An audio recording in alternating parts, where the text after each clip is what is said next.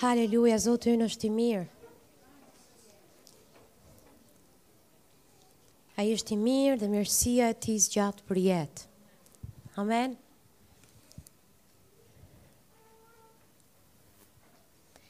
A keni ardhur sot me etje dhe me uri për të marrë nga Perëndia.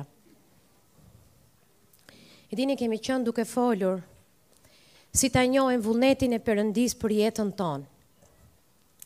Edhe këto ditë kur teksa kam qenë duke kërkuar fytyrën e Zotit, duke parë edhe ngjarjet që janë zhvilluar në botë kohët e fundit, kam qenë shumë e trazuar. Sepse nëse ka një kohë që unë edhe ti duhet të jemi vullnetin e Perëndisë është kjo. Nëse ka një kohë që s'kemi më kohë për lojra, është kjo. Nëse ka një kohë që duhet të hedhim poshtë gjërat fëmijënore dhe të rritemi e të forcohemi dhe të sigurohemi që jemi në krahun e Zotit, është kjo. E dini, unë jam rritur në këtë Shqipëri, në këtë Tiranë, kam lindur këtu, dhe i kam parë ca gjëra që kanë ndodhur. Kam lindur në kohën e komunizmit, e kam parë kur komunizmi ka rënë, E kam parë luftën me Kosovën, e kam parë në '97-ën, se çarë u bë që kishim frikë të flinim nga plumbat qorr që binin. Kam parë shumë gjëra, mirëpo, kam qenë rilindur që në moshën nëntë vjeçare dhe brenda meje e dija që çdo gjë do të jetë mirë. E dini kur ndodhi pandemia edhe filloi gjithçka përpara asaj bie dy vitesh, mua më humbi kjo paqe. Dhe sa më shumë të të kaloj koha aq më shumë e di që nuk do të jetë çdo gjë mirë për botën. Bota është në ditët e saj të fundit dhe ne jemi drita e kësaj bote. Kisha nuk ka më kohë t'lozi, kisha ka një emergjencë të jashtëzakonshme për lutje dhe për ndarjen e ungjillit. Edhe teksa po shikoja se çfarë ishte duke ndodhur me me Ukrainën dhe zemra m'u thye dhe isha duke vajtu përpara Zotit, se më dhemb zemra teksa shikoj motra, vëllezër, kemi kisha atje, kemi studentë të Remës atje, kemi njerës, kemi trupin e Krishtit në Ukrainë. Zemra ime qan, sepse janë në mes të vështirësisë tyre, dhe ne si trupi i Krishtit do të ulim gjunjët, Të ndërmjetësojmë për ta në mes vështirësisë. Po nëse ajo ndodh këtu, po nëse lufta e gjitha këto gjëra të këqija ndodhin n'kombin tim, ça roli ka kisha? Dhe kjo është një kohë e jashtëzakonshme që ne të dimë që jemi dhe jemi në krahun e Zotit, sepse nuk kemi kohë. Ka pas një kohë që kishte kohë, tashi s'ka më. Nuk ka më. Emergjenca që kam në zemrën time, kam dy ditë, jua them me ndershmëri që nuk flej dot gjumë, është për ndarjen e ungjillit sa më shpejt, sepse Jezusi është tek dera. Dhe ne duhet ta dimë që jemi në në në në krahun e tij dhe jemi duke bërë punën që ai na ka thirrur, mandatin që i ka dhënë trupit të Krishtit. Shkoni në mbarë botën dhe predikoni ungjillin. Amen.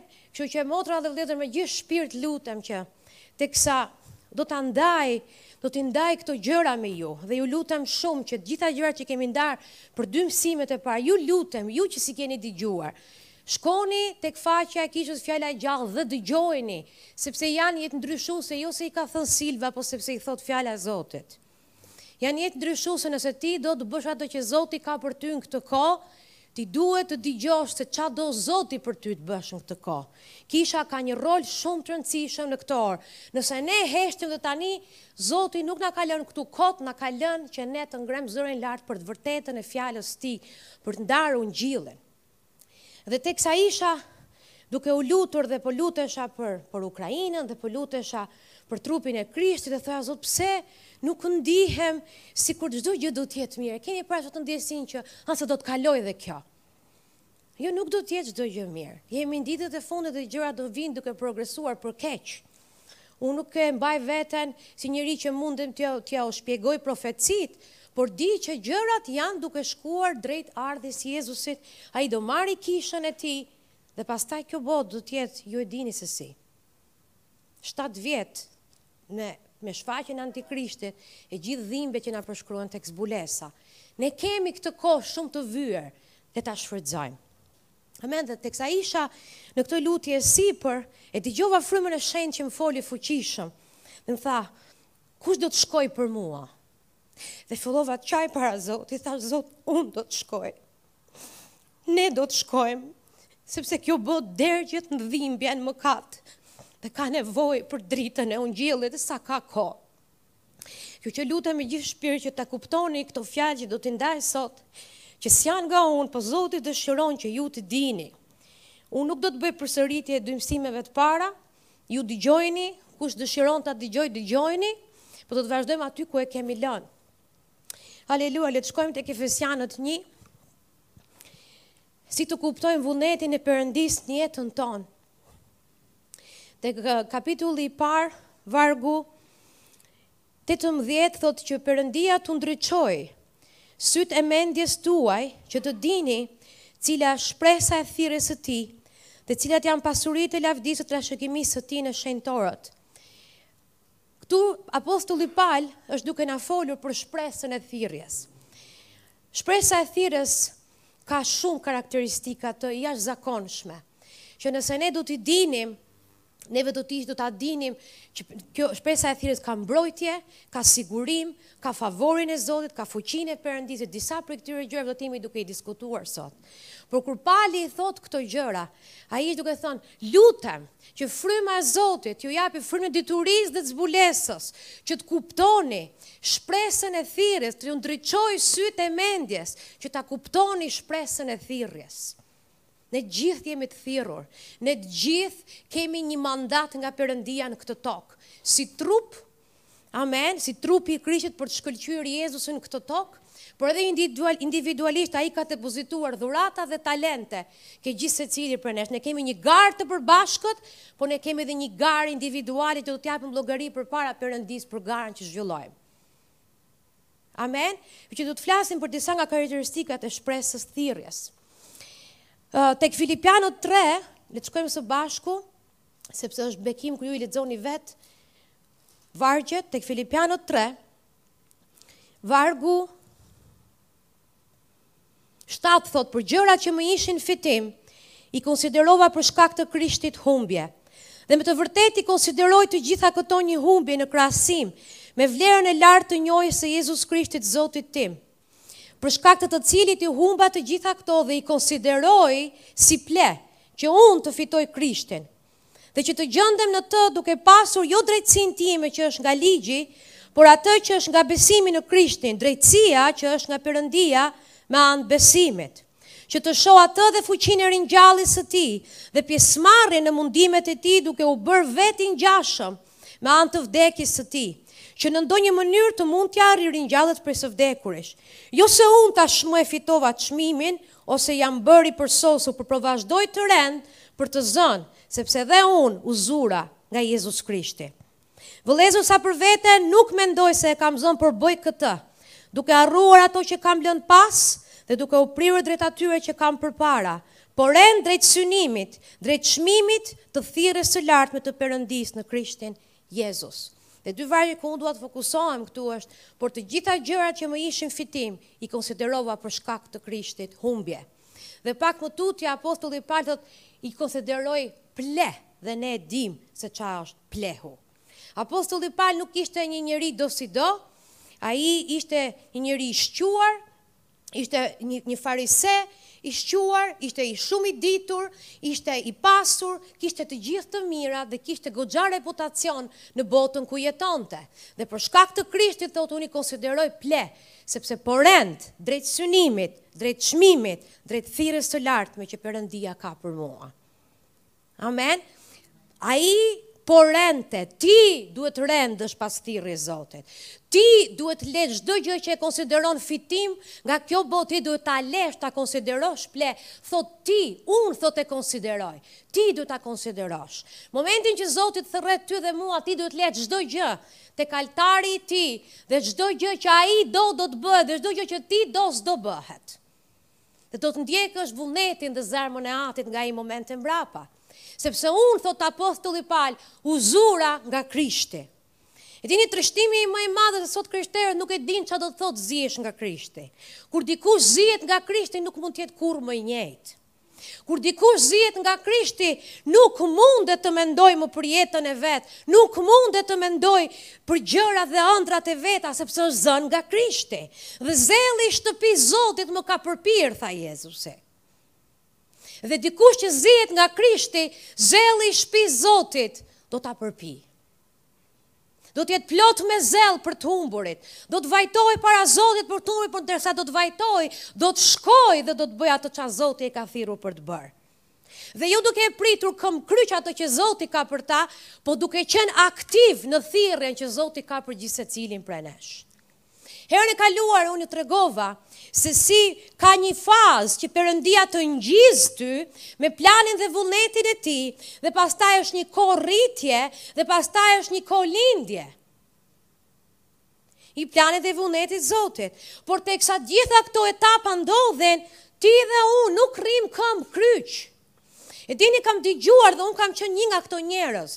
Kam dëgjuar gjëra të tilla dhe po jua përsëris, unë kam qenë vetë një nga këto njerëz. Një ditë Zoti do më bëjë një tapet të kuq që unë të shkoj dhe të shërbej në thirrjen e jashtëzakonshme që ai ka për mua. Kjo s'ka për t'u bërë kurrë. Sepse kjo nuk është mënyra se si Zoti vepron.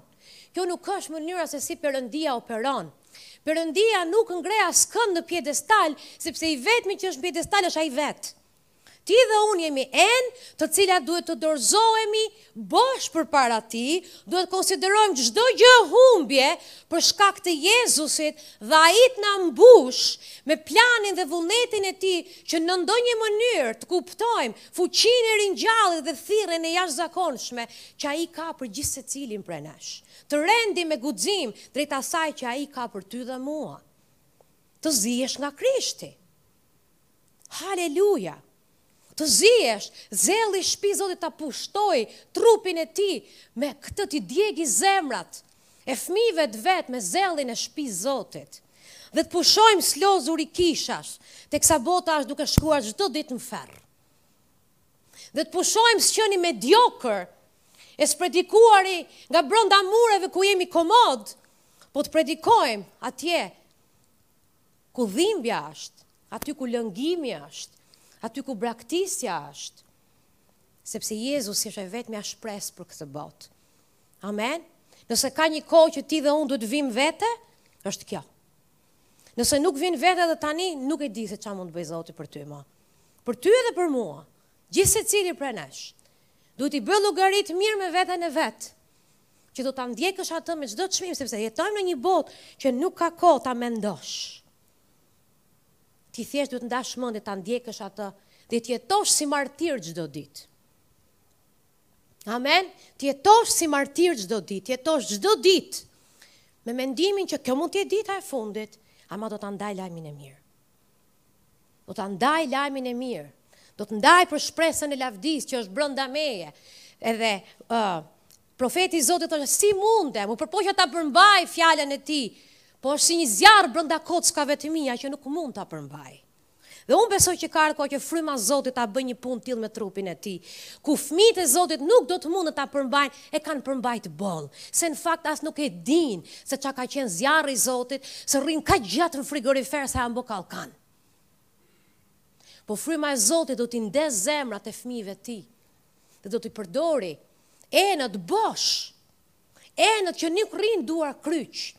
Thirrja jote nuk do të vijë një ditë, momenti që ti ngjizesh ajo është aty dhe ti duhet të bësh gjithçka që ai të thotë.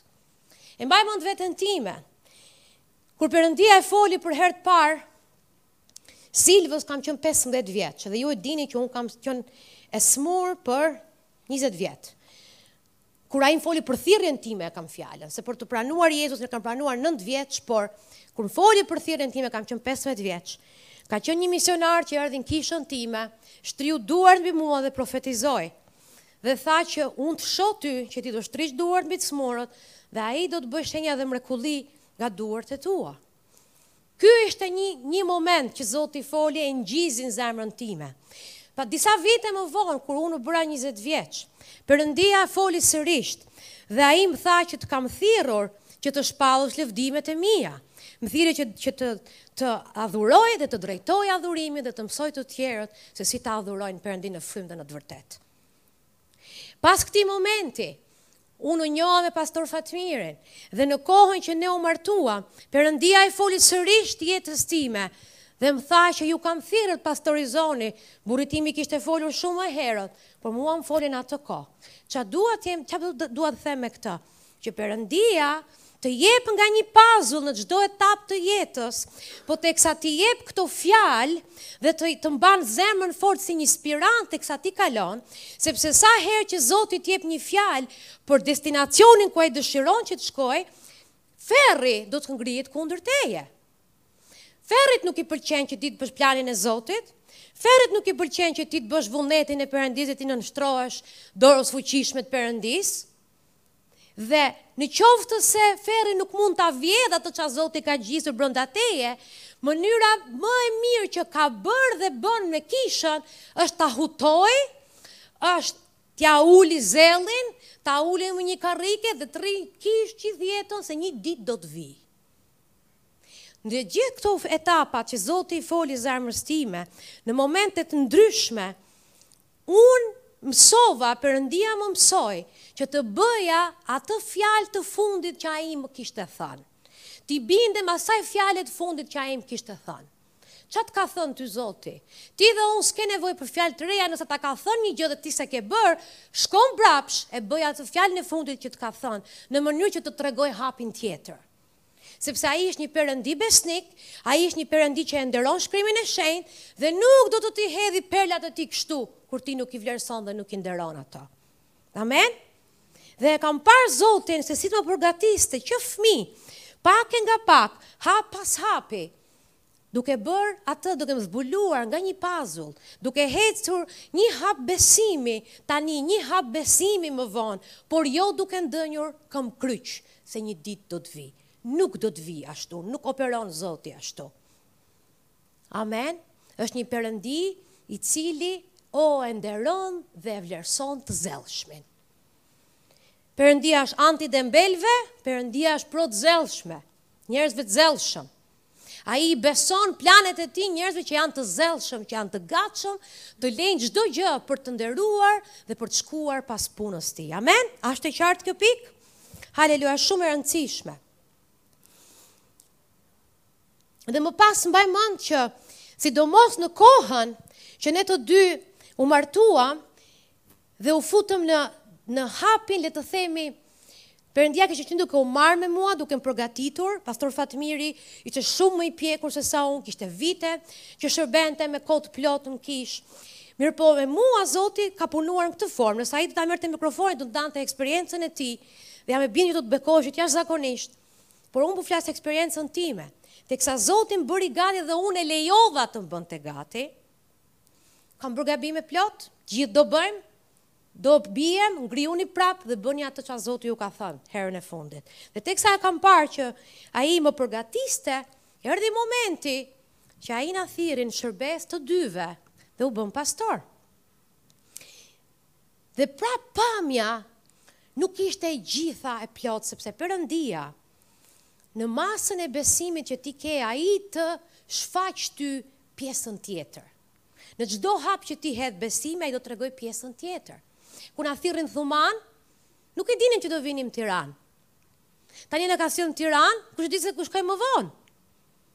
Por nëse ne tregohemi siç Isaia 1:19 thotë nëse je i vullnetshëm dhe i bindur, ti do të hash të mirën e tokës. Edhe i vullnetshëm, edhe i bindur. Amen. Që të bësh atë çfarë Zoti të ka thirrur që të bësh. Një gjë tjetër që unë e shikoj në në shkrimet e shenjta është që ka shumë konfuzion ndonjëherë uh, kur vjen puna te kjo te ky ky subjekt edhe njerëzit bëjnë shumë gabime dhe unë dua të vë në dukje sot disa gabime që njerëzit i bëjnë në mënyrë që ti dhe unë mos t'i bëjmë. Dhe ata që marrin shënime mund të shkruajnë fruti i bindjes së pjesshme. Dhe do shkojmë tek Zanafilla 12 së bashku. Do flasim për një nga heronjtë tanë të preferuar të besimit, që është Ati Abraham.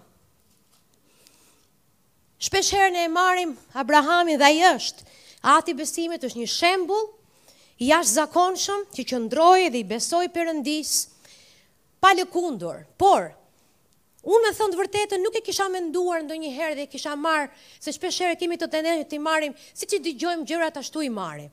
Pse priti Abrahami 25 vjet? A ishte me të vërtetë vullneti i Zotit që ai të priste 25 vjet që të të, të, të shijonte Isakun dhe Krishtin. Teksa isha duke studiuar zbulova që Abrahami ka bërë shumë gjëra që Zoti nuk ia kishte kërkuar t'i bënte dhe bindja e tij në disa momente të jetës së tij ka qenë e pjesshme.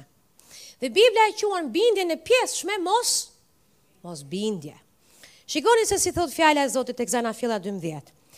Por Zoti i tha Abramit, Largohu nga vendi yt, nga të afërmit e tu dhe nga shtëpia e babait tënd dhe shko në vendin që do të të tregoj.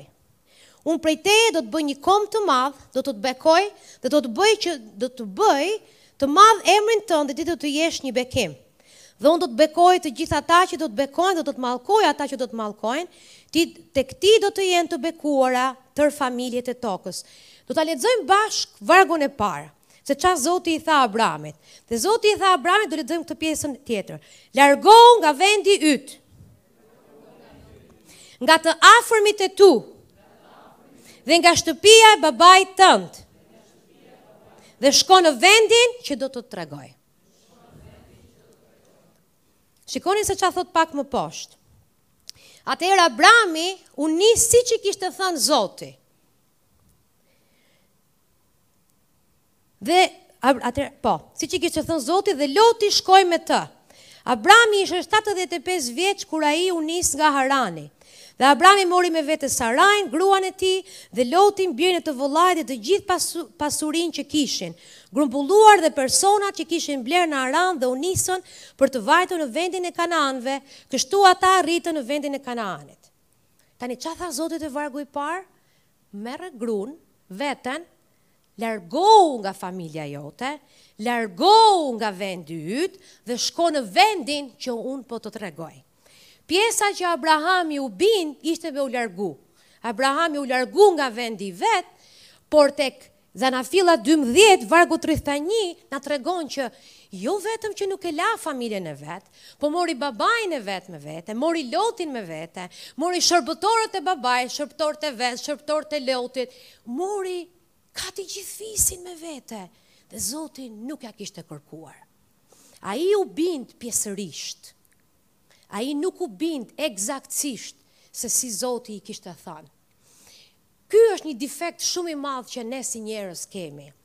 Që sugjer që instruksionet e Zotit ne i marrim si sugjerime. Kur Perëndia na jep instruksione, ai e ka me gjithë mend. Sepse kur neve bëjmë disa prej tyre, ajo bindja e pjesshme do të prodhojë mosbindje, por mosbindja e pjesshme do të prodhojë më vonë mosbindje totale, do të të çojë ty Deri në atë pikë, sa ti nuk do të bindesh fjalës që Zoti të ka thënë. Dhe pak më poshtë një kapitull më vonë e shikojmë që për shkak se ai nuk u bind në mënyrën që Zoti i tha, ndodhi çfarë ndodhi me Agarin. Ndodhi çfarë ndodhi dhe ai prodhoi Ishmaelin. E dini sa njerëz ka në trupin e Krishtit që nuk kanë pritur që të lindin Isakun që Zoti ka për ta Po është, është trupi i Krishtit plot me Ishmael? Perëndia ka një kohë, Perëndia ka një mënyrë, Perëndia e nderon fjalën e tij dhe nuk do ta anashkalojë për askënd. Por ça mua më prek jashtëzakonisht shumë, që edhe në mes të rrëmujës së tij, Perëndia sërish iu shfaq, e restauroi, e bekoi, dhe e mbajti premtimin. Por pasojën e veprimeve të veta, të mosbindjes së tij, Fatkeqësisht ne jemi duke e shijuar dhe sot, se ne e dimë që prej Ishmaelit ne kemi trashëgimi besimin Islam. Dhe Perëndia nuk e kishte dizenjuar në këtë mënyrë. Perëndia e kishte dizenjuar që ai të priste dhe të merrte Isakun ashtu që Perëndia i kishte premtuar. Ne të dy jemi dëshmitarë se sa shumë motra dhe vëllezër kemi parë, të cilët Perëndia iu flet, dhe menjëherë, pa pritur instruksionet e Zotit, lindin shërbesa, futen nëpër shërbesa, bëjnë gjëra që Perëndia nuk jua ka kërkuar, dhe pastaj hecin pak, dhe më pas, Shërbesa dështon, vetë dekurajohen dhe shumicën e rasteve ka nga ata që madje janë zhgënjyer dhe kanë lënë edhe Perëndinë. Jeni duke më kuptuar? Pastori po tregonte pak për metamorfozën, kush ishte herën e fundit, për fluturën.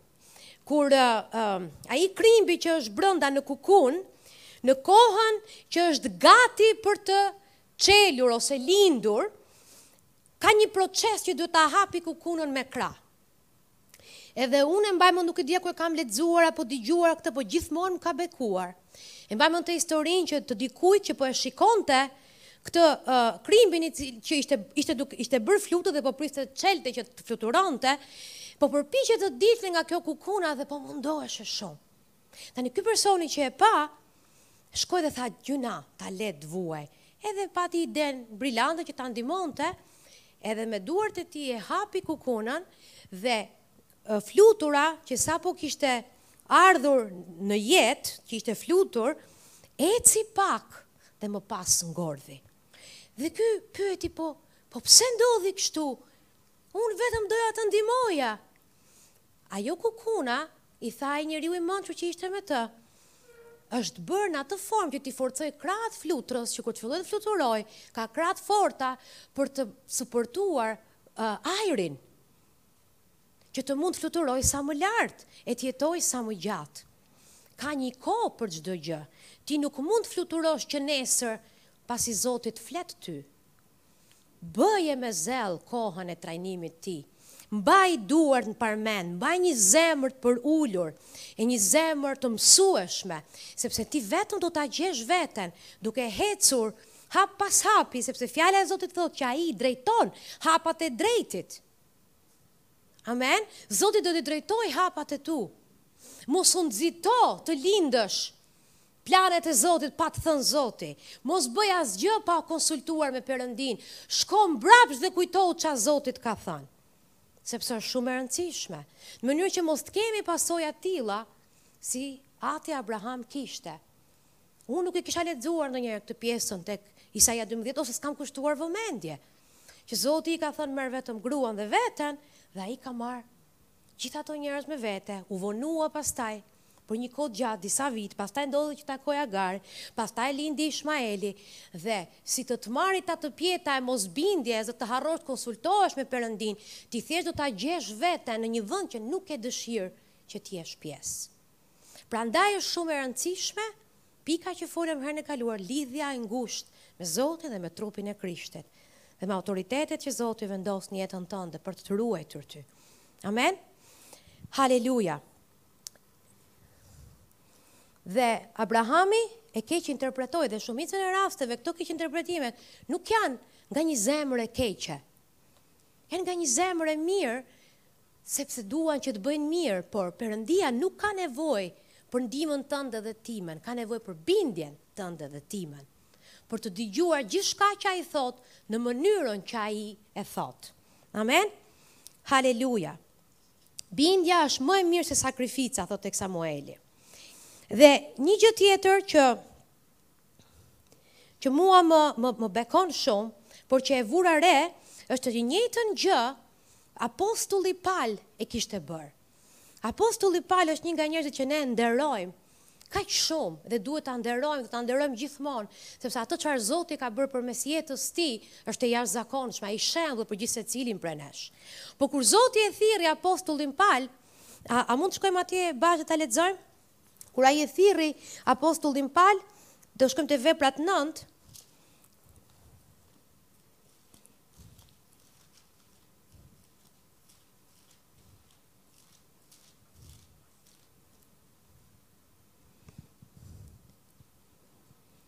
Por Zoti tha, vargu 15, shko, sepse ai është vegla që unë kam zgjedhur për ta sjellë emrin tim përpara johebrenjve, mbretërve dhe bijve të Izraelit. Le ta lexojmë edhe një herë. Ai është vegla që unë kam zgjedhur për të sjellë emrin tim, përpara kujt? Johebrenjve, mbretërve dhe bijve të Izraelit. Që do të thotë, nga ça Zoti është duke folur këtu, prioritet për apostullin Pal janë johebrenjtë, pastaj mbretërit dhe pastaj hebrenjtë. Për shkak të afrimitetit, për shkak të zonës ku ai ka jetuar, kur neve jemi mësuar te zona e komfortit, ai shkoi dhe menjëherë u përpoq t'i shërbente judenjve. Edhe fjala e Zotit na tregon që 5 vitet e para apostulli Pal u mundua shumë teksa i shërbente judenjve, sepse nuk ishte në planin Origjinal që Zoti i kishte thënë. Ai ishte thirrur t'i shërbente atyre, por ai nuk ishte prioritet i Palit. Prioriteti i Palit ishin johebrenjtë, mbretërit dhe më pas judenjtë. Dhe ai e ktheu përmbys. Dhe ne kemi atë tendencë për t'i kthyer përmbys sepse kur Perëndia na thotë për të bërë diçka, të gjithë shkojmë tek ana e natyrshme, tek ajo gjë që është më familjare për ne. Dhe Pali ishte rri, dhe apostulli Pali ishte rritur mes tyre. Dhe e donte popullin e vet që mos të humbiste, dhe donte që ato të shpëtoheshin. Por nuk ishte kjo arsyeja pse Zoti e kishte thirrur parësisht. E kishte thirrur që të shkonte tek jo hebrenjtë. Amen. Dhe fjala e Zotit na thot pak më vonë që kur ai në momentin që vendosi të shkonte në Korint, dhe kemi një një pasazh këtu që do doja të marrim pak kohë dhe ta lexojmë, kur Pali tha që mjaft është mjaft, unë do të shkoj tek jo hebrenjt. Te vepra 18. Është duke i shërbyer hebrenjve këtu. Vargu 6 thot, por duke qenë se ata e kundërshtonin hebrenjt dhe blasfemonin, ai shkundi rrobat e tij dhe u tha atyre, gjaku juaj qoftë mbi kokën tuaj, unë jam i pastur, që tani e tutje do të shkoj tek jo hebrenjt. Dhe ne shikojmë më pas që teksa Pali iu bind Totalisht instruksionit të Zotit, prania e Zotit, fuqia e demonstrimi frymës shenjtë ishte me të kudo që ai shkoi. Amen. Është kaq shumë e rëndësishme bindja e çdo instruksioni që Zoti na jep. Në çdo hap nuk ka instruksione të parëndësishme. Teksa po vinim nga nga Korça, javën e kaluar, isha në makinë me me disa nga vajzat e kishës dhe me Eltonin dhe po më tregonte një histori që më bekoi kaq shumë dhe i foli kaq shumë zemrës time. Po më tregonte për një nga ungjilltarët që unë nderoj dhe respektoj kaq shumë që lutja ime që o Zot njerëz të tillë ngri sërisht që është A.A. Allen, për ata që e njohin, janë shumë të pak njerëzit që e njohin, Perëndia e ka përdorur jashtëzakonisht fuqishëm këtë burrë. Dhe tregon se si në një kohë të jetës tij, vendosi që të mbyllej në dollapin e rrobave toni, në dollapin e rrobave dhe të kërkonte Zotin dhe nuk do dilte që aty derisa Zoti t'i fliste, kështu që i tha bashkëshortes tij, Leksi, që merre çelësin, mos ma hap, derisa Zoti të më flasë, unë do të rri këtu. Dhe kështu bëri, nuk doli që aty për një kohë të gjatë, derisa Perëndia nisi të merrej me të, dhe kur doli që aty, gruaja vet kur e pa, tha, O, zemër, ke qenë me Zotin. E dini, kur ti ke qenë me Zotin, ti dukesh. Ti dukesh që ke qenë me Perëndin. I tha, ti paske qenë me Zotin. Dhe u ul bashkë me gruan e tij dhe fillova tha të shkruaj, Perëndia i kishte dhënë 13 pika për të shkruar trembëdhjetë gjëra që qëndronin dhe që pengonin që fuqia edhe manifestimi i Zotit të ishte fuqishëm në jetën e tij. Kështu që bashkë me gruan tha filluam t'i shkruanim, por dy apo tre nga këto pika nuk na u dukën me shumë rëndësi. Dhe pastaj tha që të vinim në atë ça zoti më tha më mori 12 vite të tjera sepse injorova ato pika sepse logjikova që s'ka ça më duhen. Sa herë e bëjmë këtë gabim? Ai na instrukton dhe ne i marrim si sugjerime. 12 vjet, Edhe në këtë mënyrë ne vonojmë planin që Zoti ka për ne. Ndonjëherë nuk është po pres, edhe kemi këtë lutje që po pres, që të bëhet plani i Zotit. Unë mendoj që lutja duhet bërë Zot a ka ndonjë gjë nga ana ime që është duke penguar që unë të bëj atë për cilën ti më ke thënë. A ka ndonjë gjë që të pengon? A të kam dalë mes rrugës dhe të jam bërë pengesë perëndi për planin tënd? A jam kaq shumë plot me veten sa nuk arrij të shof përtej mishit tim e përtej nevojave të mia dhe nuk arrij të shoh zemrën tënde e planin që ti ke për mua? Edhe gënjejmë e vetëmashtrojmë veten që hë se një ditë do të ndodhë dhe injorojmë gjithë shenja dhe instruksionet që perëndia na jep gjatë rrugës, bëjmë sikur nuk i shohim, ose dhe kur i shohim, hajt se kemi kohë. Po janë disa gjëra që nuk ka kohë. Për shembull, kohën që ne jetojmë nuk ka kohë. Nëse Zoti thotë një instruksion ty dhe mua, ne duhet ta bëjmë sa ka kohë. Sepse do të vijë koha që nuk do të punojmë dot më. Po po dëgjoja ë uh, isha kam qenë duke ndjekur lajmet dhe Dikush në Ukrainë që është i diplomuar nga Rema po tregonte që i kishin me i kishin rënë shpisë tij me bombë. Dhe lavdi Zotit në mënyrë të mbinatyrshme Perëndia i kishte ruajtur atë dhe familjen e tij, por gjithë shpia ishte shkrumbuar, ai thotë që ne kemi humbur çdo gjë. Ishin në lot burrë e grua, edhe uh, Ishin të trishtuar, të frikësuar për gjendjen ku ishin, kufijtë në vendin ku ato ishin, rusët i kishin bombarduar dhe as nuk dilnin dot jashtë, as njerëz të tjerë nuk futeshin dot brenda në vendin ku ato ishin, kështu që ishin fut në një vend të nëndheshëm, në një kishë të nëndheshme dhe ishin mbledhur të gjithë bashkë dhe po luteshin. Dhe teksa ishin duke folur me një nga miqtë tanë të remas, fryma e zotit i flet edhe i thotë, Ti tani, sepse ai ishte duke vajtuar që si s'e mora dot Biblën. Si nuk e mora dot Biblën, sepse m'u shkrumbua çdo gjë. Edhe ai tha tani ti je një Bibël e gjallë përpara gjithë atyre që të takojnë. Po nëse ti s'e ke lexuar Biblën, ti nuk mund të jesh Bibël e gjallë. Po kur të na e heqin të drejtën për ta lexuar, po kur të na e të heqin të drejtën për të folur, a do ta kemi ne guximin që të bëjmë ato ça shumë motra dhe vëllezër bëjnë tani në këtë kohë fatkeqësie? E dini pandemia kur ndodhi krasiti ose le të themi u duk sikur kisha ë uh, pësoi një rënie drastike të frekuentimit. Por në fakt, unë nuk e shoh kështu. Në fakt, unë besoj që vështirësitë edhe sfidat, edhe stuhitë e jetës, nxjerrin në pah kush e ka seriozisht Zotin dhe kush nuk e ka seriozisht Zotin. Dhe çfarëdo lloj fatkeqësie që vjen në këtë botë, nëse ti e ke seriozisht, ti do të jesh aty me duar në parmendë duke qenë bekim, pavarësisht situatave ku ti je duke u gjendur. Siç po bënte ky burrë i Zotit, edhe update-on përditë. Ishte duke thënë që jemi mirë, me shëndet jemi mirë, Zoti është duke punuar, Perënd, po ndajmë Ungjillin. Është kaq shumë e rëndësishme. Le të punojmë sa ka ditë. Amen. Le të punojmë sa ka ditë. Sepse Perëndia e ynë pret që ne ta hapim gojën. Kush do të shkojë për mua? Amen. Kështu thotë Zoti dhe ne do të shkojmë. A do të shkojmë? A do të shkojmë? Nuk do ta mbyllim gojën. Do të shkojmë me çdo çmim do të shkojmë. Amen, sepse ai po vjen shpejt. Haleluja.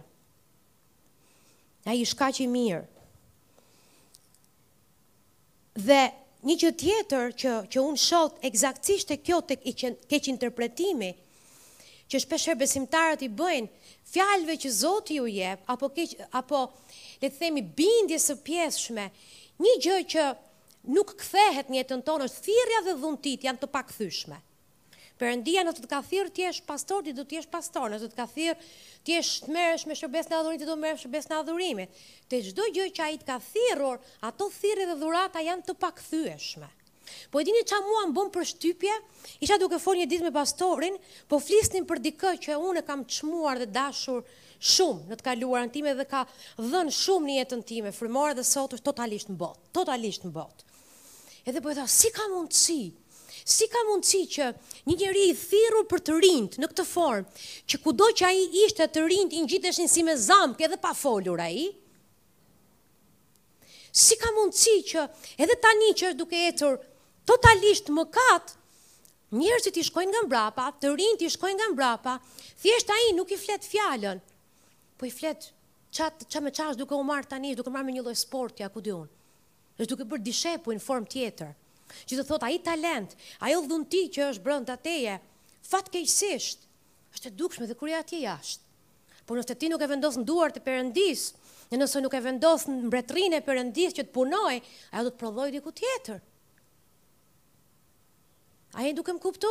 Sa talente dhe dhurata që janë lindur për të adhuruar Zotin në trupin e Krishtit, që kanë dalë nga kisha, ajo dhunti i është dhënë për ta adhuruar Zotin, kanë përfunduar me të njëjtin dhurat, me të njëjtin talent në botë, kanë shkëlqyer, kanë bërë një emër dhe pastaj i ligu i hedh poshtë, se s'ka ça i duhen. Dhurata dhe dhuntit janë të pakthyeshme. Dhe ato Prodhojnë sepse ne jemi të ngjizur me ato Perëndia na e ka dhënë për një arsye, për të ndërtuar mbretërinë e tij dhe për të predikuar ungjillin. Amen. Dhe është kaq shumë e rëndësishme dhe shoh keq keq keq keq përdorim të fjalëve të çmuara të Zotit. Kam dëgjuar njerëz që thon, po i shërbejmë ne Zotit. Nuk duken asnjëherë në kish, nuk janë të nënshtruar askujt dhe mendojnë që duke bërë bamirësi, duke bërë gjëra humanitare, mendojnë se janë duke bërë vullnetin e Zotit. A bën sens kjo që po ju them? Para disa vitesh u ula me dikë që Zoti e kishte vendosur në zemrën time që të lutesha për të. Edhe mbaj mend që në kohën Në kohën që kemi qenë të fejuar unë dhe pastor Fatmiri, Perëndia i foli zemrës tonë një fjalë që shumë bekim, sot e kësaj dite mbajmë fort pas asaj fjale, po bashkë me ne kanë qenë disa individë tjerë dhe unë e kisha në zemër që njëri nga këta individët që nuk ishte më në kish, Zoti kishte trazu zemrën time që të lutem për të, dhe të shkoj t'i them që Zoti i ka syt pas teje. Të lutem eja në vete. Të lutem eja në vete. Perëndia nuk harron. Ai na sheh edhe në mes budallikut tonë, edhe në mes vendimeve të gabuara që ai përsëri në mirësinë e tij shkon pas nesh, por nuk do të luftojë me ty dhe mua për gjithmonë. Kur të mos e do, nuk e do, ai do të të lë rehat sepse është një Perëndi i sjellshëm dhe nuk të bën që ta ndjekësh atë me zor. E teksa isha duke folur, në mendjen e saj ishte kaq e mashtruar që po bënte vullnetin e Zotit. Ishte duke bërë punën e Zotit. Se si e bënte punën e Zotit tek-tuk, por nuk ka vullnet i Perëndisë tek-tuk, sepse Zoti ka një trup, Zoti ka një fjalë, Zoti ka ca parime, Zoti ka ca mënyra të cilat i ka stabilizuar në shkrime, të cilat ti dhe unë duhet t'i nderojmë, përndryshe, quhemi thjesht human, njerëz që duam të bëjmë gjëra të mira, por nuk është ky vullneti i Zotit. A je duke më kuptuar, bën sens kjo gjë që po ju them? është shumë e rëndësishme që ta kuptojmë. Edhe uh, në vitin 2010 në mos gaboj, e kam ndarë dhe më përpara, por besoj që një pjesë që s'e kanë dëgjuar është mirë që ta dëgjojnë. Kisha, kisha një kohë që po kaloja me Perëndinë dhe po kërkoja Zotin, Zoti i kishte fol zemrës time që të lutesha, të agjëroja dhe po lutesha për Shqipërinë. Dhe andej nga fundi i agjërimit, Perëndia më dha një vizion, një vizion prej vërteti. Prej fjalës së Zotit, prej frymës së Zotit. Edhe në këtë vizion unë pashë një pashë një kryq të madh Mirëpo, ky kryqi në zemrën time unë e dija që ishte kryq, por ishte shumë i shtrembët. Ishte shumë i shëmtuar dhe ishte i ndërtuar nga disa gurë. Këta gurë herë më bëheshin njerëz, e herë dukeshin si gurë, po ishin njerëz të trishtuar, njerëz të zymtë, pa pikë jete në të. Dhe në fraksion sekondi, ky kryq prishet shformohet dhe vetëm një mbetje e vogël mbetet dhe kjo mbetja e vogël menjëherë u transformua dhe ato gurët u bënë gurë floriri dhe ishin sërish njerëz dhe bashkë me to erdhën shumë gurë të tjerë dhe ndërtuan një kryq të madh që u ngul me një kodër dhe shkëlqente kaq shumë dhe teksa e shikoja I shikoja këta gurët të cilët ishin ishin plot me jetë, edhe një herë ishin njerëz plot me me jetë edhe të qeshur, një herë dukeshin si gurë. Edhe pastaj mbaroi. Dhe pastaj thashë Zot, ça je duke dashur, më thosh, të më thuash. E Zoti i foli zemrës time, tha, kjo është gjendja e trupit tim në këtë moment. Ato bëjnë gjëra që nuk ua kam thënë dhe shkojnë në vende që nuk ua kam kërkuar. Bëjnë metoda njerëzore të cilat unë nuk ua kam thënë dhe nuk kanë frut. Kanë humbur fokusin kush janë, nuk e dinë kush janë, nuk e dinë kush ka paguar për to, nuk ndihen pa identitet dhe të braktisur. Dhe janë të vendosur në vende që unë nuk i kam vendosur. Por unë po bëj një punë të re. dhe unë do ta restauroj trupin tim. Ja unë kam shumë njerëz tjerë në këtë komb e do t'i sjell bashkë me një zemër e një mendje e do ta bëj që trupi im të eci në lirinë e Krishtit. Amen. Dhe ata tha janë gurët e gjallë që na thuhet tek letra e Pjetrit. Dhe ata thotë si gurë të gjallë ndërtohen në njëri tjetrin tek drejt atij që është kreu Krishti. Ne jemi gurë të gjallë të Perëndisë, jo gurë të vdekur. Po gurët e gjallë bëjnë atë ça Perëndia ynë na ka thënë që të bëjnë. Amen. Vetëm pse bëjmë disa gjëra nuk do të thotë që është vullneti i Zotit. Vetëm pse bëjmë ca gjëra që sytë e mi dhe tuaj i konsiderojnë të mira, nuk do të thotë që është vullneti i Zotit. Le të mos humbasim kohë, po të bëjmë ekzaktësisht atë ça Zoti dëshiron që të bëjmë në këtë kohë individualisht edhe si trup edhe si kishë. Amen. Është shumë e rëndësishme motra dhe vëllezër. Haleluja. Një shenjë tjetër e shpresës thirrjes është manifestimi i pranisë së Zotit. Kur Perëndia të ka thirrur që ti të shkosh diku, dhe është Ai që të ka thirrur, dhe është Ai që të ka dërguar, dhe është Ai që të ka pajisur, prania e Zotit do të jetë shenjë që Ai është me ty. Amen. Dhe le të shkojmë tek fjala e Zotit se si na thotë te 2 Korintasve 12.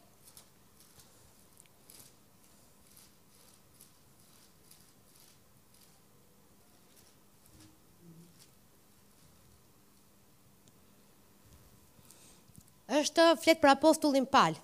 2 Korintasve 12 vargu 12 thotë, "Shenjat e apostullit u vërtetuan ndër ju me durim të madh, me shenja e mrekulli dhe çudira." Është duke folur apostulli Pal. Le të shkojmë tek 1 Korintasve 2. Tek libri i parë i Korintasve.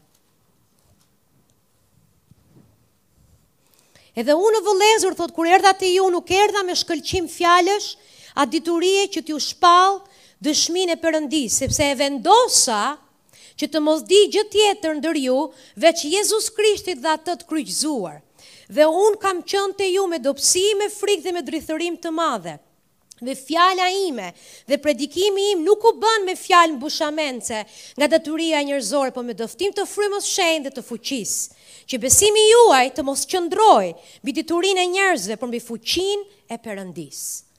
Me çfarë Pali Çfarë pa Pali në shërbesën e tij kur u kthye në vullnetin e Perëndisë? Pas kohës që kaloi me judenjtë, në momentin që ai shkoi në Korint, fryma e Zotit menjëherë e shfaqi veten e tij sepse shkoi në planin origjinal që Perëndia kishte për të. Kur ti je në qendër të vullnetit të Zotit, Perëndia do të shfaqë krahun e tij. Do të jetë shenjë për ty që ai është me ty. Unë mbaj mend kur Zoti na thirri në Thuman dhe na kishte vërtetuar në shumë forma që ai dëshironte që ne të shkonim atje. Edhe kur shkuam atje, pavarësisht se ai na kishte vërtetuar në në në forma të ndryshme, prap në në në atë njerëzoren kishim atë druajtjen që a po bëjmë gjënë e duhur, sepse nuk donim të ishim as para Zotit, E ta linim Zotin mbrapa, as të ishim kaq mbrapa sa nuk e arrinim dot Zotin. A më kuptoni? Dhe mbaj mend në shërbesën e parë, apo jo pastor? Në shërbesën e parë, teksa anëtarët e kishës uh, u lutën për ne dhe u vajosëm si pastorë të kishës Fjala e Gjallë në Thuman, një besimtare e, e, e thyer në moshë shikon një vizion. Dhe në këtë vizion shikon Jezusin i cili ishte pas meje dhe pastorit teksa po luteshin për ne, edhe po thoshte që jam i kënaqur me ju. Dhe kjo ishte vetëm një dëshmi, Perëndia dha dhe shumë dëshmi tjera, fuqie, njerëzit u shëruan, u çliruan, u bekuan, sepse ishim në qendër të vullnetit të Tij. Amen. Kur ti je në qendër të vullnetit të Zotit Perëndia do të shfaqë krahun e Tij. Haleluja sepse ai është besnik ndaj fjalës së tij. Haleluja, është shumë e rëndësishme, është shenjë për ty. Nëse ti shikon që ça ka, pse, pse kur lutem nuk kam fruta, kontrolloje zemrën, a je aty ku ai dëshiron që ti të jesh. Dhe nuk po them a je në kishën e duhur se ca njerëz kanë ca mendime të çuditshme që mbase po më flet Zoti të shkoj me një kishë tjetër. Jo, jo. Këtu jeni aty ku duhet, aman hani këtë ushqim njëherë dhe po gjetët më të mirë, shkoni hani, po hani njëherë këtë që keni. Amen? është shumë e rëndësishme. Fuqia e Perëndisë do të shfaqet, do të manifestohet në mesin tonë, kur ne jemi në qendër të vullnetit Zotit. E kemi parë dhe në Tiranë. Kur ne erdhëm në Tiranë përpara tre vitesh, dhe tani në mars bëjmë tre vjet që jemi në Tiranë, në shërbesat e para, Ne jemi të privilegjuar e të bekuar që prania e Zotit është me ne gjatë gjithë kohës. Ashtë kështu? E kemi parë e shijojmë praninë e Zotit vazhdimisht, sepse ai e ka premtuar. Asgjë e veçantë me ne, çdo gjë e veçantë me të, me me Perëndinë tonë. Dhe mbaj mend dy shërbesat e para, o Zot, sa shumë jam bekuar, sa shumë mrekulli ka bërë Zoti përpara syve tanë në shërbesat e para.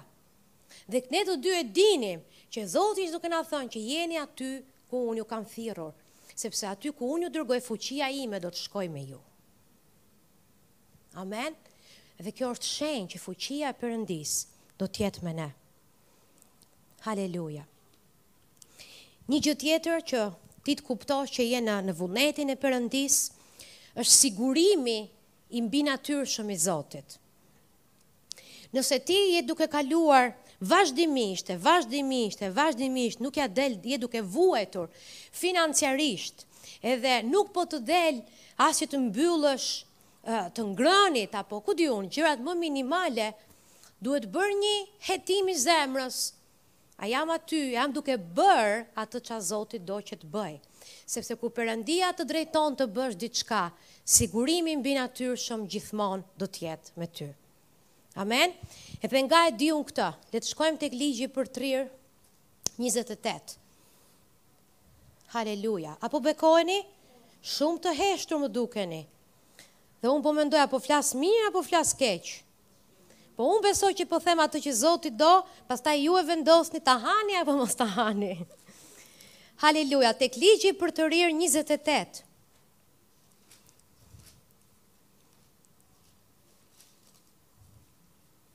Janë vargjet e famshme.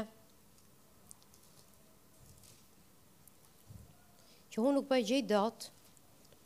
Kini pak durim e gjeta. Atëherë ça thamë ne? Ne thamë që kur jemi në qendër të vullnetit të Zotit, sigurimi mbinatyrshëm do të vijë në jetën tonë. Tani në rast thotë se i bindesh me zell zërit të Zotit Perëndisë tënd, duke pasur kujdes të zbatosh tërë urdhërimet e Tij që sot unë po të urdhëroj, do të ndodhë që Zoti, Perëndia yt do të të lartësojë mbi të gjitha kombet e dheut, Të gjitha këto bekime do të bien mbi ty dhe do të të zënë. Ti nuk do vraposh mbas bekimeve, bekimet do të të zënë ty. Amen? Në rast se dëgjon zërin e Zotit Perëndis tënd, do të jesh i bekuar në qytete dhe në fshatra. I bekuar do të jetë fruti i barkut tënd, fruti i tokës tate, fruti i bagëtisë tënde e me radhë tregon bekimet e bindjes. Dhe gjithashtu na thuhet tek Filipianët, do ta lexojmë edhe atë, dhe pastaj do të tregoj disa dëshmi se si Zoti është kujdesur për ne në pesë në katërmbëdhjetë vite si pastor. Filipianët katër, që ne e përdorim vazhdimisht kur kur ndajmë dhe marrim të dhjetën dhe ofertën, thotë unë mund të bëj gjithçka me anë të Krishtit që më forcon.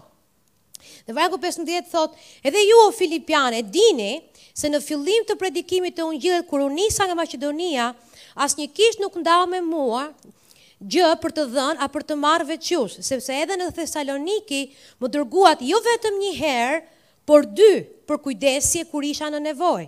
Jo se unë po kërkoj dhurata, po kërkoj frut që tepron për dobinë tuaj. Tani i kam të gjitha dhe më teprojnë, jam përplot. thotë apostulli Pal. Amen? Kur ti je në qendër të vullnetit të Zotit, Perëndia do të të sjellë nga katër anët kujdesin për ty, për kishën apo çfarëdo lloj gjëje që ai të ka thirrur. Kur ne kemi shkuar në Thuman para 14 vitesh, kisha që neve uh, trashëguam nga pastorët që ishin përpara nesh, Pastor Fatmiri e ka thënë shumë herë, ishte në telashe shumë serioze. Po një nga problemet që Kisha e Thumanës kishte, është që financiarisht ishte në një ngushticë të paparë, apo jo, pastor? Ishte në një ngushticë shumë të madhe, në atë kohë kishim jetimoren, ndërtesa që jetimët jetonin kishte kaq shumë defekte, kishte kaq shumë probleme, dukej sikur sa rregullonin një cep, u prishte një cep tjetër, domethënë kishte kaq shumë shpenzime, dhe në të natyrshmen, të shkoja atje ishte një çmenduri më vete. Ti duhet ta dije dhe ta dije që ishte Zoti me ty. Prandaj po ju them që ka kaq shumë rëndësi t'i kuptoni këto shenja, sepse sfidat për të ndjekur planin dhe vullnetin e Perëndisë ka janë kaq të shumta dhe ti duhet ta dish që je me Zotin dhe nuk je duke i bërë gjërat vetëm. Dhe mbaj mend që i kemi pas gjithë këto telashe financiare dhe në një moment ë uh, patëm ku Perëndia e vizitoi kishën tonë me praninë e tij dhe Perëndia na ngjizi me vizionin që Shqipëria do të thirret me emrin e Zotit, në atë kohë uh, kisha jonë kaloi shumë sfida të mëdha. Për shkak të fjalës profetike, e cila ishte një bekim i jashtëzakonshëm, por brenda kishte edhe qortim që nuk e dhamë ne, po e dha vetë Zoti. Shumë njerëz u ngritën kundra dhe në të pavetëdishmen e tyre apo në të vetëdishmen, në forma të ndryshme i sollën shumë dëm kishës dhe në mënyra të ndryshme u përpoqën që të ndalonin kishën e Thumanës që të ecte apo të ishte e hapur. Ja ku ishim ne, me gjithë ato probleme financiare në të natyrshmen, ja ku kishim edhe një sfidë ku për shkak se, për shkak se bërëm atë ça Zoti na kërkoi që të bënim, bëmë edhe armiq njerëz të ndryshëm, por kishim paqe se e dinim që Zoti do të luftonte me ne. Dhe në atë kohë na i prenë financat e jetimëve dhe ishim përpara një një një problemi kaq të madh sepse duheshte që këta të hanin. Duhet të pagonim punëtorët, duhet të ushqenim fëmijët. Në ato kohë kishim 10 fëmijë, pastor.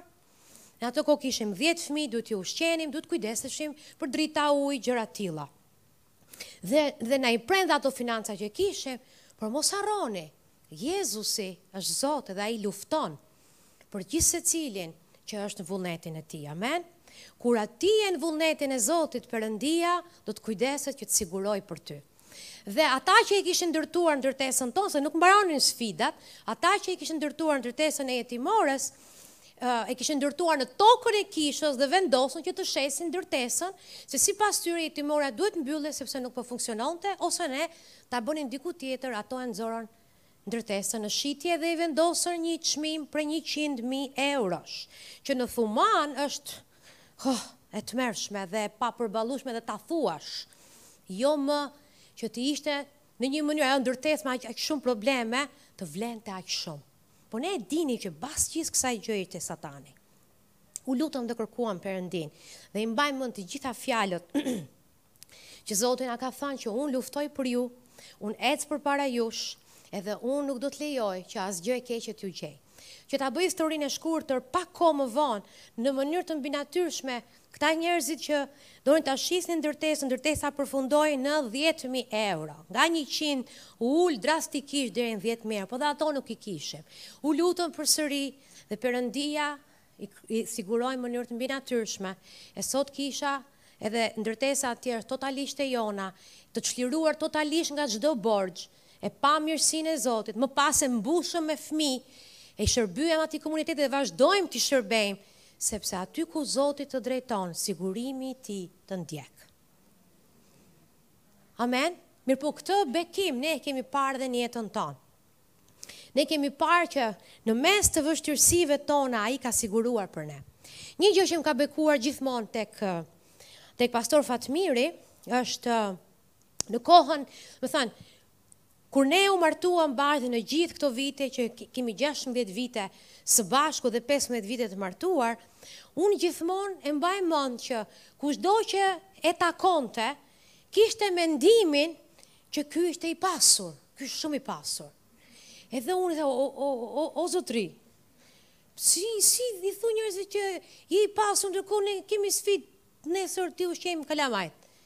Edhe mua më ka bekuar gjithmonë kjo gjë sepse pavarësisht situatës ku ti ndodhesh, situata jote nuk tregon se ti kush ti je. Zoti yt të tregon kush ti je. Dhe gjithmonë më ka inkurajuar dhe më ka bekuar thoshte sepse unë e di që jam i pasur, unë e di që jam vullnetin e Zotit dhe me siguri do ta shoh krahun e tij dhe me vërtet e kemi parë. Madje, sigurimi i tij ka qenë edhe kur e për vetë në gabime, ai prapë nuk ka lejuar që t'i mungojë asnjë gjë fëmijëve të mi, familjes time, sepse Perëndia kujdeset për atë që është e ndjek fjalën e tij. Amen. Dhe ne e kemi parë mirësinë e Zotit. Dhe më besoni në të natyrshme nuk kishte burime. Thumana e kishte të pamundur që të kujdesej për ne financiarisht, siç fjala e Zotit thotë. Ishte e pamundur për Thumanën që të përballonte dhe të kujdesej për pastorët. Ne gjithmonë kemi besuar në mënyrë të mbinatyrshme për ushqimin tonë, për veshjet tona, për çdo gjë. Dhe asnjë nuk i di sfidat dhe ngushticat tona, por e dimë që gjithmonë kemi dalë triumfus, sepse aty ku Zoti drejton, Ai siguron. Amen. Më bekon shumë, sepse ku Zoti drejton, Ai pagun vetë. Aty ku drejtohesh ti, pagun ti. Në fakt kjo është një shenjë për ty, nëse je duke pagu vetë, nuk është Zoti, sepse drejtimi i Zotit nuk ka mund, bekimi i Zotit nuk shton vujtje. Amen? Në kohën që Perëndia më foli për konferencën e grave, vite përpara, ja tashmë ka hy në vitin e gjashtë, Një nga testet që unë bëja mbas çdo konference dhe ende e bëj, është doja të shikoja a i mbulon Zoti shpenzimet vetëm me konferen, vetëm me të ardhura që vijnë nga konferenca, pa përfshirë të ardhura nga jashtë. Dhe Perëndia jo vetëm që i ka mbuluar, por i ka tejkaluar dhe po bën të mundur që të shkojmë edhe përtej kishës tonë që të jemi bekim për të tjerët. Dhe për mua kjo është shenjë që Ai është me mua dhe nuk kam asnjëherë frikë. Asnjëherë frikë sepse e di që nëse ai më ka drejtuar diku, ai do të paguajë vetë. Dhe më ka bekuar shumë pa, pa, me pastorin po flisja para 2-3 ditësh. Erdhëm nga Korça, edhe Perëndia o siguroi që të gjitha të ardhurat erdhën mjaftueshëm që ne të mund të paguanim çdo gjë do të kemi dhe diçka mënjanë për takimin që do të kemi radhë në qytetin e ardhshëm. Mirpo në zemrën time kisha nevojë që Perëndia të më konfirmonte edhe pak se e dini është më mirë të kesh shumë konfirmime se e di dhe e di që ai është me ty se sa të shkosh kështu me vrap direkt pa e mendu fare se çfarë të është than. Edhe kam marrë një një mesazh para 2-3 ditësh që u bekova Kaq shumë. Një mike që kisha, ku di unë sa vite, 10, shumë vite. Uh, më shkruan edhe thotë, Perëndia më ka vendosur në zemër, që të çoj një ofertë mirënjohje dhe falenderimi për punën që ti po bën për Zotin. Isha në lot. Isha kaq shumë e prekur, që një njeri që s'e ka idenë se ça unë jam duke bërë për Zotin, Perëndia i kishte folur, dhe tha më thuaj emrin se do të të çoj tani me Western Union. Është Zoti i mirë dhe besnik. Haleluja, i thashë pastorit, këtë doja, doja vetëm ta di që Perëndia im është me mua në gjithë këtë shteg. Amen. Sigurimi i Zotit të ndjek ty, bekimet e Tij të zënë ty, nëse ti i bindesh me zell zërit Zotit. Amen. Haleluja. Mos u mërzisni. Edhe gjëja e fundit që kam për sot. Është mbrojtje e mbinatyrshme. Një pjesë tjetër e shpresës së thirrjes është mbrojtje e mbinatyrshme nga Perëndia. Fjala e Zotit na thotë tek Isaia 59 vargu 11 thotë që kur armiku të vi kundër meje si një lum i fryshëm fryma e Zotit do të ngrejë një flamur.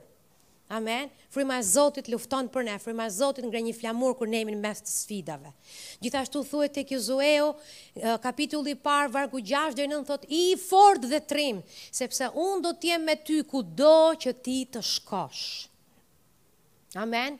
Haleluja! Është kaq shumë e rëndësishme që ti ta dish që përveç sigurimit, përveç manifestimit të Frymës së Shenjtë në jetën tënde, përveç gjithë këtyre gjërave të mira që Perëndia bën, Ai do të të ruajë ty në mënyrë të mbinatyrshme, çfarëdo lloj shtegu që ti kalon.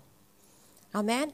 Edhe isha duke dëgjuar uh, po isha duke dëgjuar historinë e një misionari i cili Perëndia e kishte çuar në në shumë kombe të botës ku ku krishterët persekutoheshin jashtëzakonisht shumë, vriteshin, uh, burgoseshin, edhe po tregonte për eksperiencat e tij. Edhe ishte duke thënë, në fakt ishte duke paralajmëruar kishën, trupin e Krishtit në kombin e vet. Që mos kini frikë të ndiqni Perëndinë, sepse aty ku Zoti të drejton nuk ka vend më të sigurt n'botë sesa në qendër t'vullnetit t'Zotit. Edhe shpeshherë tha dëgjoja njerëz që kur shkoja nëpër vende t'rrezikshme si puna e Kubës apo në vende ku me të vërtetë janë duke i vrarë Nigeri e në vende të ndryshme ku ka shumë persekutim për t'krishterët, tha njerëzit vinin dhe më thonin Ti duhet të jesh i kujdesshëm. Duhet të jesh i kujdes të përdorësh mendjen.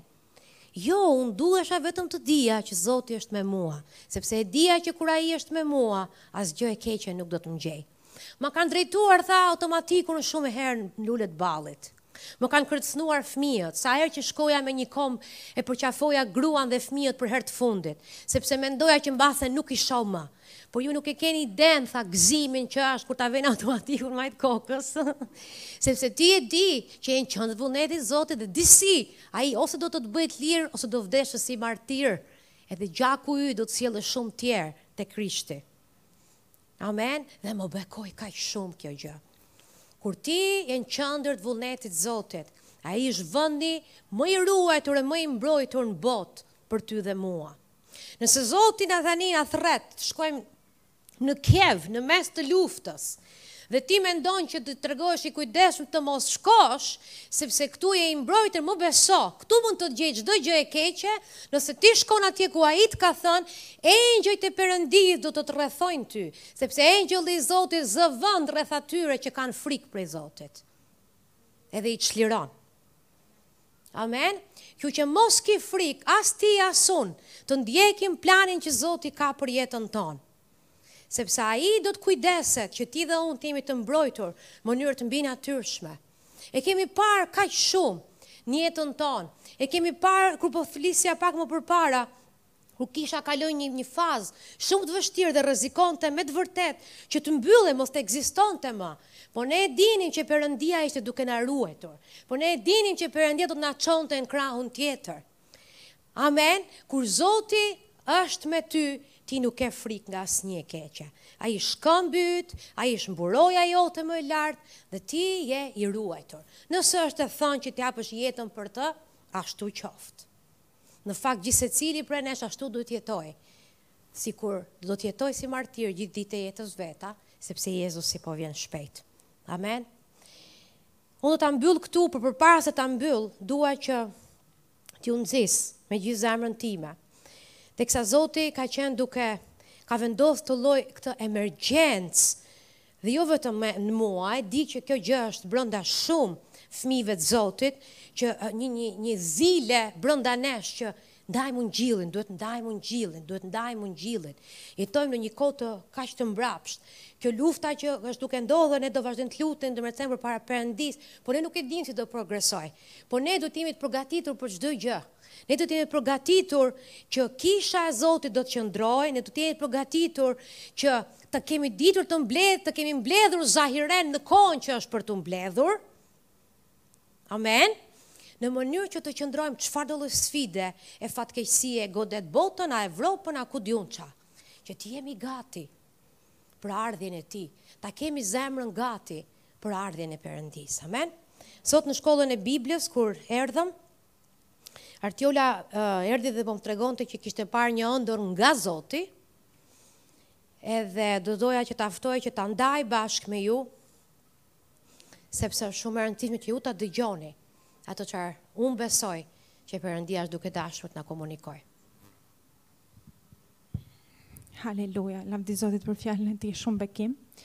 Ëm ehm, uh, mbrëmë pashë një ëndër, ëm ehm, uh, sikur ishim një grup i madh nga kisha, nuk e mbaj mend as kush ishte as ku ishim, po mbaj mend vetëm që ishim bashkë, edhe supozoj që ishte natë, po në momentin që shohim nga dritarja, ishte ditë, edhe ishte një pamje shumë e bukur përpara, dukeshin male, dukeshin një pamje e mrekullueshme, dhe dritë, shumë dritë, ditë komplet. Dhe në një moment dikush aty thotë, çfarë po ndodh me qiellin? Edhe një tjetër tha, mos po vjen Jezusi, dhe në moment shfaqet një Si njeri i bardhë, i ndritshëm, shumë shkëlqente, edhe ne ramë të gjithë, dhe në moment shohim veten tonë duke u ngritur lart. Po ngriheshim, po në atë moment ishim dhe të gëzuar, domethënë ishte ai gëzimi që ne po e presim ardhjen e Zotit me gëzim, po para nesh u shfaq si film ata të humburit ose të gjithë ata që nuk jua kemi Nuk ju kemi shpallur ungjillin, nuk ju kemi folur për fjalën e Zotit edhe po më vinte si film çdo person që unë akoma nuk i kisha folur, po thosha, e isha kështu Zot, po unë s'i kam folur akoma këtij dhe ndërkohë po ngriheshim, po nuk ishte më kthim mbrapa. Edhe ishte si një peng, ndërkohë që ishim të gëzuar që po ngriheshim, ishte si peng, po i lëmë njerëzit mbrapa, çfarë po çfarë kemi bërë, domethënë. Edhe jam zgjuar me një nuk e di, të trishtim të madh një emergjencë në zemër që Jezusi është shumë afër. Më afër nga ç'e mendojmë, ndonjëherë e marrim si të mirëqenë, po është shumë afër, edhe do na mbetet peng për atyre që s'i kemi folur. E di, personin që m'u përmend në atë moment, do t'ia them, të kam parë në ëndërr dhe e di që më erdhi nuk të kam folur ty. Çdo personi që pashë aty, edhe të jetë kjo parasysh tonë, mos na dalë si një film ata që I po i lëm mbrapa, se nuk do ketë më kthim mbrapa. Le të ngrihemi gjithë së bashku në këmbë. Moisiu i tha Perëndisë, unë dua të të shoh ty. Perëndi ma trego fytyrën tënde, dhe Perëndia i tha që nëse ti e sheh fytyrën time, nuk mund të jetosh. Tha, por ti do të rrishë tek ky shkëmbi, te kjo e çara e shkëmbit dhe unë do të kaloj. dhe do të shohësh nga pas mua. Dhe kështu ndodhi, Perëndia kaloi dhe Moisiu e pa dhe ndonjëherë, jo ndonjëherë, po prania e Zotit nuk shifet, por kur ai është aty, ti e di që ai është aty. Dhe ai është këtu. Edhe unë besoj që prania e Zotit është këtu në mesin tonë. Që nëse kjo, kjo, kjo britmë e zemrës së Atit, është që ne të ndërgjegjësohemi dhe të marrim, e të pozicionohemi në atë çfarë Perëndia është duke dashur të na thotë. E para ju inkurajoj me shpirt, lutuni, e lutuni sa më shumë. Lutuni për gjërat që janë duke ndodhur, lutuni se çfarë duhet të bësh ti, çfarë roli ke ti në në, në gjithë këtë gjë. Edhe të jemi të bashkuar, edhe të zellshëm më shumë se sa kurrë. Sepse Jezusi me të vërtetë po vjen shpejt. Dhe unë e besoj me gjithë zemër që asnjëri nga ju nuk doni t'i shikoni të afërmit tuaj të humbur për jetë. Nuk doni t'i shikoni komshijtë tuaj të humbur për jetë apo miqtë që jeni rritur bashkë, nuk doni t'i shihni të humbur për jetë. Epo ti je e vetmja dritë, e vetmja rrugë që ato kanë. Amen.